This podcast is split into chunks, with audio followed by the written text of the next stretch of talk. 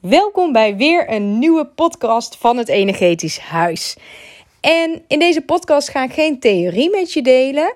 In deze podcast ga ik een bevinding en een aantal inzichten delen uit de praktijk bij mezelf, uh, waar jij wellicht ook wat aan hebt. Ik ga het namelijk hebben met je over de kunst van vertragen. En dit onderwerp kies ik niet zomaar, want het is namelijk mijn eigen grootste struggle op dit moment. En wat ik altijd wel geleerd heb, is op het moment dat je ergens mee worstelt, of dat er een thema is waar je een beetje ja, moeite mee hebt op dat moment, dat het erkennen van het probleem al de eerste stap is. Hè? Je hoeft niet gelijk een oplossing te hebben. Het hoeft niet gelijk uh, uh, moeiteloos te gaan of dat het je al gelukt is. Vaak het erkennen van hey, ik zit hier nu even mee. Ik ben er nog aan het zoeken hoe, hoe ik daar het beste mee om kan gaan. Dat is al stap 1. Nou, dus dat doe ik bij deze. Ik erken dat ik moeite heb met vertragen. En hoe komt het nou dat ik dat op dit moment met je bespreek? Um, vorige week, dat is eigenlijk de, de grootste aanleiding. Um, twee weken terug heb ik de laatste opleidingsdag gehad voor de uh, zomervakantie. Dus ik had gemiddeld uh, uh, 1 à 2 opleidingsdagen per week, nog consulten. Nou, er moest nog een hele hoop gebouwd worden aan mijn uh, bedrijf. Dus ik had genoeg redenen of excuses om mezelf druk te noemen. Nou, afgelopen week was eigenlijk helemaal de andere kant het geval. ik ging namelijk een weekje of een weekje, een paar dagen zeilen met uh, vier bevriende stellen op een hele grote katamaran. Uh, wij hebben allemaal kindjes, maar die waren allemaal bij opa en oma. Dus wij konden even relaxen. ik stapte op dinsdag op de boot en op vrijdag gingen we er weer af. Dus, dus vier dagen um, zonder kids, even alleen met nou ja, jezelf en elkaar en lekker op het water. En ik keek daar best wel erg naar uit. Vooral omdat dat Klaas, die houdt ook heel erg van zeilen. Dus het is ook heel leuk om hem zo in zijn element te zien. En gewoon even uh, niks hoeven en, en lekker uh, in de natuur. En wat ik me toch wel besefte, ik moet ook zeggen, ik had niet heel erg goed dit, deze paar dagen vrij voorbereid. Ik dacht, ja, het zijn maar een paar dagen. Um, en ik dacht, alles loopt toch wel door. Maar alles liep natuurlijk ook wel door. Uh, dus ik merkte dat ik toch nog best wel af en toe even een mailtje moest beantwoorden. Of uh, een paar keer per dag een, een DM via Instagram of iets dergelijks. En dat doe ik dan ook met alle liefde heel graag. Want dan denk ik, joh, wat maakt het uit? Uh, dan kan alles en iedereen weer door met van alles. En dan heb ik ook niet op het moment dat ik maandag weer start... een hele waslijst aan, aan to-do's die ik eerst nog moet wegwerken. Maar dat is natuurlijk het rationele antwoord. Maar daaronder kan ook nog best wel eens een, nou, een struggeltje zitten met je werk helemaal kunnen loslaten. En ja, begrijp me niet verkeerd, want het voelt voor mij helemaal niet als werk. Het is een soort van één grote hobby. Ja, één grote hobbydroom waar ik in ben beland. Dat ik denk, jeetje, wat vet om hier elke dag mee bezig te zijn. Echter merkte ik op die boot ook dat er um, vriendinnen en vrienden van mij waren die veel beter dat werk konden loslaten dan ik. Ja, één, omdat of zij wellicht geen eigen bedrijf hadden. Maar twee, om, omdat ja, ik toch merkte dat, dat ik vond dat ik nog dingetjes moest doen. En dat uh, besefte ik me daar wel. Dat ik dacht, hey, dat heb ik of niet helemaal goed voor mezelf geregeld. Of er zit toch nog iets in mijn systeem ja, voor, voor, voor mijn gevoel kun je ook nooit helemaal van 100% aanstaan naar 0% aanstaan. Dus dat dat besef ineens voor mij kwam van... hey, blijkbaar heb ik nog iets om aan vast te willen houden of iets dergelijks. Dat op het moment dat die motor op, op 100 uh, eh, toeren heeft gedraaid, dat hij ook nog even rustig mag uitdraaien voordat hij helemaal tot stilstand komt. Dus ik vond dat dus ook helemaal niet erg. En, um, maar het was wel een dingetje waarvan ik dacht: hey, interessant. En toen kwamen wij afgelopen vrijdag uh, thuis, s'avonds kindjes opgehaald. En ik merkte vrijdag, zaterdag toen thuis kwam gelijk een soort van onrust van, oh jeetje, ik heb wel een aantal dagen gemist en ik wil dit nog doen en ik wil dat nog doen voordat we op vakantie gaan. Uh, we gaan in augustus op vakantie.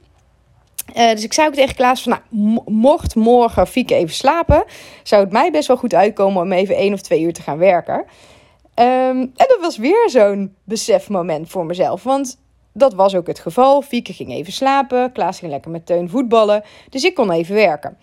En dat was heel fijn, want ik had gelijk weer overzicht. Ik kon een aantal dingen doen. Maar het was natuurlijk niet levensbedreigend. Dus het had ook maandag gekund. Maar ik was er blij mee, dus helemaal top.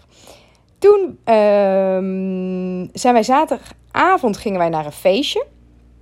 En rond half twaalf uh, ging ik naar huis alvast om de, uh, de oppas af te lossen. En Klaas bleef nog even. En die zei: hey, ik heb een goed idee. Wat nou als uh, jij morgenochtend de ochtendshift pakt, zo noemen wij dat dan, dus, dus de eerste paar uurtjes, zodat Klaas nog even kan blijven liggen. Dan ging hij daarna met de kindje naar het zwembad, zodat ik nog even tijd voor mezelf had. Top idee. Dus ochtends merkte ik dat ik toch wel heel moe was. Want ik, ik, had niet, ik had op die boot en niet al te best te slapen. als ik niet in mijn eigen bed slaap, dan, dan vind ik dat al, sowieso altijd best wel. Slaap ik minder goed en uh, nou, door dat feestje, een paar glazen wijn op, um, gewoon moe werd ik wakker. En het zit gelijk in mijn systeem op een moment dat ik dan twee, drie uurtjes voor mezelf heb. Dat ik denk, denk oh lekker, kan ik nog even werken. Maar ik merkte toen de kids uh, de voordeur en Klaas achter zich dicht trokken, dat ik dacht, ja, maar als ik nu echt goed voel waar ik behoefte aan heb, is het slapen. En ik slaap nooit overdag. Want ik heb dus ook de belemmerende overtuiging, super interessant, dat ik niet kan slapen overdag. Dus waar Klaas nog wel eens een, een, een powernapje doet of zo, zeg ik altijd: nee, ik hoef niet te gaan liggen, want ik kan niet slapen overdag. En nu dacht ik: nee, Eve, je hebt al uh, um, ja, het, het, het moeite met vertragen. Ga, en je kunt nu heel goed voelen dat je behoefte hebt aan slaap.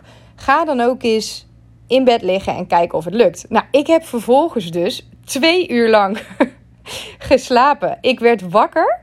En waar mijn hele huis nog een rotzooi was. Ik wilde eigenlijk nog uh, alle was opvouwen van, van die week vakantie. Ik wilde nog het afwasmachine opruimen. Ik had nog allerlei bordjes en, en fruitkommetjes van het ontbijt staan. En ik heb gewoon de boel de boel gelaten. Helemaal niks voor mij. En ben gewoon twee uur gaan slapen. Nou, ik werd als herboren wakker. Ik heb vervolgens uh, een soort van happy uh, muzieklijstje opgezet. Ik heb binnen een half uur al die dingen gedaan die ik net noemde. Met, nou, soort van vrolijke zin. In plaats van dat het een soort van moeten werd. En dat is wel een interessante. Want ook dat, ik denk dat heel veel luisteraars van mij hier zich in herkennen. Want in mijn hoofd werkt het zo dat ik pas mag rusten of chillen op het moment dat eerst het huis aan kant is. Dus dat het afwasmachine of de afwasmachine, sorry, ik zeg altijd verkeerd. De afwasmachine is uitgeruimd, dat de was is opgevouwen, dat het speelgoed is opgeruimd, dat er een stofzuigertje doorheen is gehaald. Ik ben echt niet zo, zo perfect hoor, qua huishouden.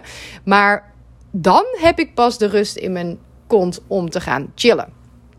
En dat slaat natuurlijk helemaal nergens op. Want Klaas zegt altijd: nee, je moet het gewoon andersom doen. Je moet eerst je rust pakken en daarna nog kijken hoeveel tijd er over is. Want anders heb je nooit meer tijd om te chillen of te rusten. En ja, de waarheid ligt natuurlijk wel ergens in het midden. Maar op het moment dat ik het gisteren andersom had gedaan, dus eerst het huis opgeruimd. Nou, dan was dat echt op mijn tandvlees gegaan. En, en nou ja, met wat minder energie, laten we het zo maar zeggen. Terwijl nu voelde het echt als tjoep tjoep en het, het was klaar. Dus dat was wel echt een grote les voor mij. Um, ook omdat ik ochtends dacht van... Oh, jongens, ik ben blij als het acht uur is... en die kids op bed liggen en ik gewoon horizontaal op de bank kan. En nu dacht ik, oh, wat gaan we doen? En ik ben nog op pad geweest. Ik ben nog naar een markt geweest met, met Teun. Ik ben nog bloemen gaan plukken in het veld. In de bomen gaan klimmen. Er, er is nog een vlot bij ons in de buurt waar we op hebben gespeeld. En het was uiteindelijk een super leuke, relaxte dag. Um, mede doordat ik gewoon mezelf op nummer 1 heb gezet en heb kunnen vertragen. En dat kunnen vertragen is dus wel echt een dingetje. En het is een soort verslaving of verslavend. Uh, uh, wat je kunt hebben of wat je kunt zijn. Want er zijn ook verschillende werkmodellen of, of, of, of woorden in, in de nijmethode waarmee ik werk en, en, en uh, het traject ook wat ik aanbied, wat dus duidt op hè, het woord verslaving. Dus stel, ik ben iemand aan het testen en ik kom uit op het woord verslaving. Dan gaan mensen altijd een beetje giebelen um, of gelijk in de verdediging van nee, nee, nee, ik heb geen verslaving. En je mag dan natuurlijk verder denken dan puur een alcoholprobleem, uh, te veel medicijnen uh, nodig hebben tegen beter weten in, um, drugs natuurlijk. Maar een verslaving kan ook zitten in het continu aan willen staan. Het continu nuttig willen zijn. Of precies hè, wat ik zeg: van er moet eerst dit, dit, dit en dat gebeuren. Dus een soort van opdrachten geven aan jezelf voordat je iets mag als beloning. Dus werken of veel werken kan ook een verslaving zijn. Daarnaast kan het ook zo zijn dat social media ook hè, het veel op je telefoon zitten, het veel op internet zoeken naar dingen. Uh, Netflixen kan natuurlijk ook een verslaving zijn om bijvoorbeeld niet te hoeven voelen. Want het mogen vertragen heeft natuurlijk alles te maken met het voelen. Het ja, naar een dieper laagje gaan van jezelf en, en voelen wat wil je nou echt.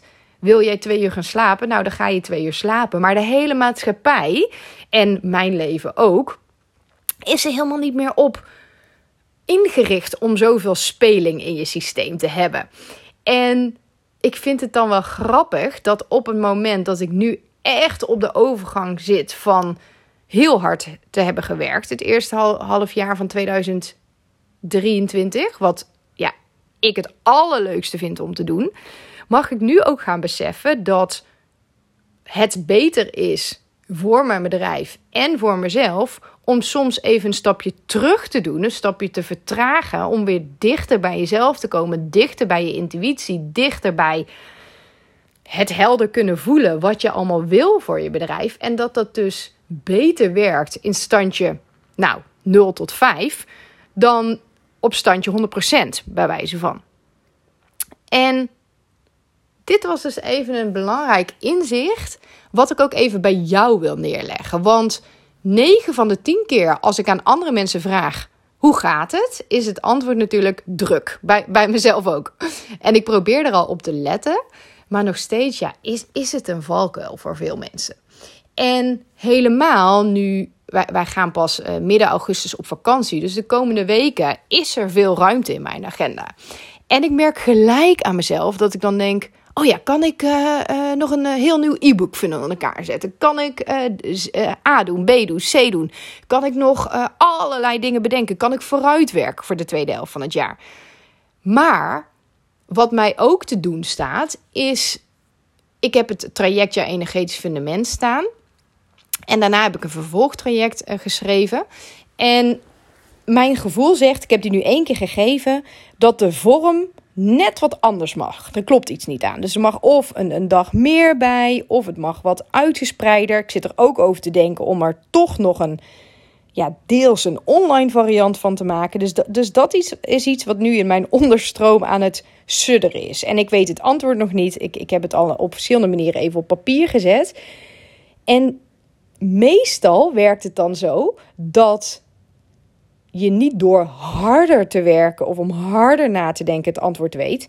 Maar juist door even achterover te gaan leunen. En vaak is het dan zo als ik ga wandelen, als ik onder de douche sta. Niet vandaag, maar, maar over een tijdje. Als ik vertraagd ben, dat ik ineens denk: pats. Dat ik hem in één keer voel, dat ik hem in één keer doorkrijg. Zo werkt het dus. En dit wordt de vorm hoe ik hem ga doen heb ik ook ineens alle stappen helder. Dus in plaats van dat ik me nu ga frustreren over dat ik het antwoord niet weet, komt het dan vaak vanzelf. En ik zou jou willen uitnodigen om eens na te denken van hoe werkt dat bij jou? Is het zo? Wat is überhaupt jouw mate van sociale bezigheden, bedrijfsmatige bezigheden, überhaupt? Hoeveel doe jij op een dag en hoeveel rustmomenten heb jij? Hoe druk ben jij in de basis? Nou, stel jij bent standaard op standje 8 En nu in de zomer, nou, merk je dat je naar standje 7 kan. Is het dan echt zo dat je alleen maar naar standje 7 kan? Of kun je bijvoorbeeld ook naar standje 4, maar houdt iets daarin jou tegen, omdat het soms ook een beetje spannend kan zijn om te relaxen. Want wie weet zit er wel een angst onder van, oh, misschien vergeten mensen me wel als ik niet aanwezig ben op een Instagram of binnen mijn bedrijf of mailtjes stuur. Of zit er voor jezelf een blokkade onder van, oh ja, maar op een moment dat ik heel druk ben, dan zit ik heel veel in mijn hoofd en hoef ik minder te voelen wat eronder zit voor pijn, voor onzekerheid, voor nou, discomfort over het algemeen. En ik weet eerlijk gezegd nog niet wat het antwoord is van mezelf. Ik ga er eens even een nijsessie op doen. Hoe het nou komt dat ik het zo lastig vind om te vertragen. Ehm, ergens heb ik sterk het vermoeden dat uh, um, dit soort werkdingetjes komen altijd wel een beetje uit mijn uh, vaderlijn, zeg maar. Vorige generatiebelasting en dan mijn vader, mijn opa. Zijn gewoon allemaal, nou überhaupt mijn hele familie, hele harde werkers geweest. Gewoon hard werken voor je geld. Uh, ook ook vorige generatie wel moeite hebben gehad om, om überhaupt rond te komen en brood op de plank te hebben. Dus ik denk gevoelsmatig dat er iets in mijn systeem zit van ja, wie ben ik dan om een soort van achterover te gaan leunen en om te gaan chillen. Dus dat is wel even de interessante die ik nog uh, ga uitzoeken.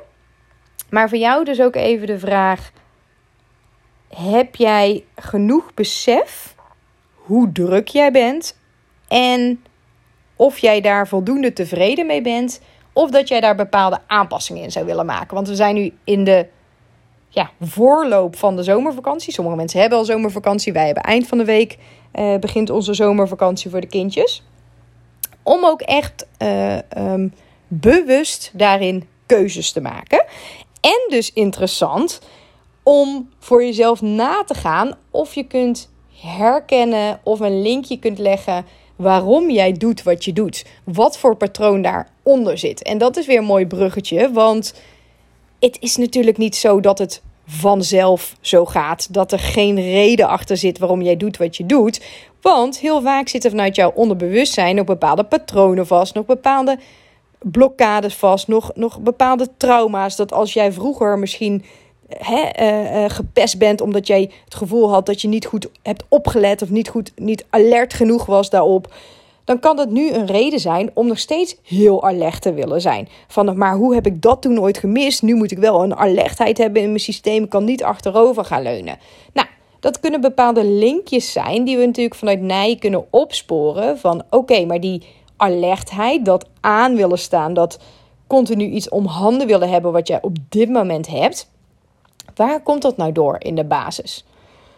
En de allereerste stap daarin, mocht jij hier interesse in hebben en mocht jij ja, hier meer over willen weten, is de masterclass die ik altijd uh, uh, op een paar tijden per week geef. Het is de masterclass hoe jij blijvend van je fysieke en emotionele klachten af kunt komen door je emotionele blokkades aan te pakken.